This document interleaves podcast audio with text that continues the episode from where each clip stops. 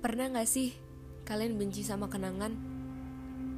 Kalian punya tempat atau hal yang kalian suka, tapi kalian pernah punya sejarah sama seseorang yang bukannya mendewasakan kalian saat semua selesai, tapi malah galau gak jelas.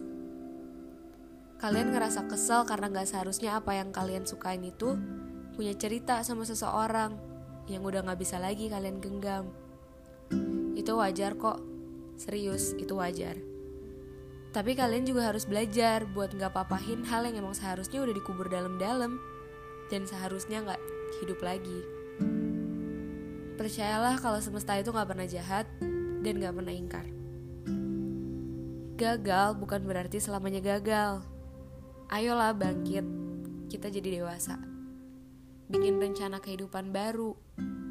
Di dunia ini tuh cuma ada dua pilihan, lakuin atau tinggalin? Terus jawabannya pun juga cuma ada dua, gagal atau berhasil. Pilih yang mana? Ya berhasil lah, siapa sih yang mau gagal? Tapi harus tahu, gagal itu gak selamanya gak enak. Nih, kalian juga pernah gak sih ngerasa gagal untuk membahagiakan orang lain karena kalian itu memilih untuk pergi? Padahal ternyata itu malah sebuah hal yang benar daripada kalian bertahan tapi berujung nyakitin dia terus. Itu bisa aja salah satu contoh gagal yang sebenarnya itu berhasil. Entah kenapa ngerasa omongan ini kok ngelantur. Maaf banget, ngantuk tapi pengen ngomong. Jangan pernah takut untuk maju, terutama di tahun baru ini. Terima kasih untuk 2019, untuk tahun yang super duper luar biasa terutama di bulan-bulan akhir November, Desember yang benar-benar naik, turun, senang, sedih, bahagia, semuanya campur aduk, stres, dan lain-lain. Terlalu banyak hal yang terjadi tanpa di luar keinginan maupun kendali.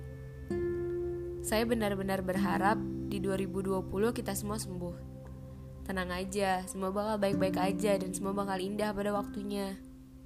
Saatnya sekarang kita fokus ngejar cita-cita meninggalkan semua kenangan pahit juga manis di belakang dan ditutup di buku tahun 2019 untuk memulai cerita baru bersama orang-orang baru juga untuk ditulis di buku 2020 nanti.